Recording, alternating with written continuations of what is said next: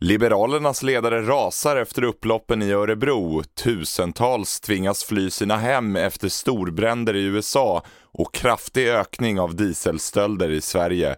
Det är rubrikerna i TV4-nyheterna.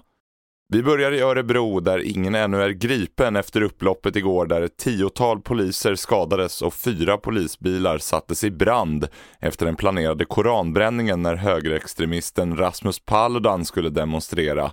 Den nyblivne ledaren för Liberalerna Johan Persson bevittnade själv det hela i hemstaden Örebro och han kräver nu mer resurser till polisen för att kunna styra av sådana här upplopp. Vi måste ha fler poliser, poliserna måste ha nya verktyg att tidigt och tydligt kunna avstyra den här typen av upplopp. Och så tycker jag också att man måste fråga sig om inte så att säga, den här typen av manifestationer, när man ska elda upp religiösa eh, skrifter, man kan ha den med den historia som den här dansken har. Eh, man kan ha den typen av eh, manifestationer längre bort än i centrala Örebro. Och i eftermiddag planerar Paludan för ännu en koranbränning i Landskrona. Polisen ser en förhöjd risk efter de senaste dagarnas våldsamheter och vidtar vissa förändringar. Vad exakt de kommer göra kommenterar de inte. En man greps i morse efter skjutningen i centrala Eslöv igår kväll där en man i 25-årsåldern skottskadades och vårdas för allvarliga men inte livshotande skador.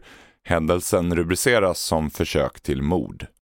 Och så till att bränslestölderna ökar stort i Sverige, inte minst dieselstölder ur större fordon. En förklaring kan vara de höga priserna. Enligt polisen är brotten svårlösta och det finns flera olika anledningar till att tjuvarna begår brotten. Lätta svaret är väl de som inte har lärt sig skilja på mitt och ditt.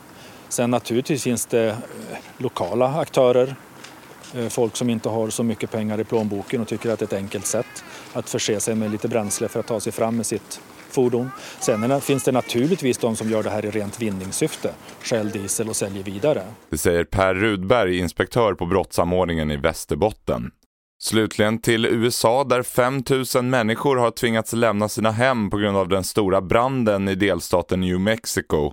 Ett äldre par har omkommit och 200 bostäder har brunnit ner. Flera brandkårer bekämpar lågorna sedan i måndags. Fler nyheter hittar du som vanligt på tv4.se. Jag heter William Grönlund.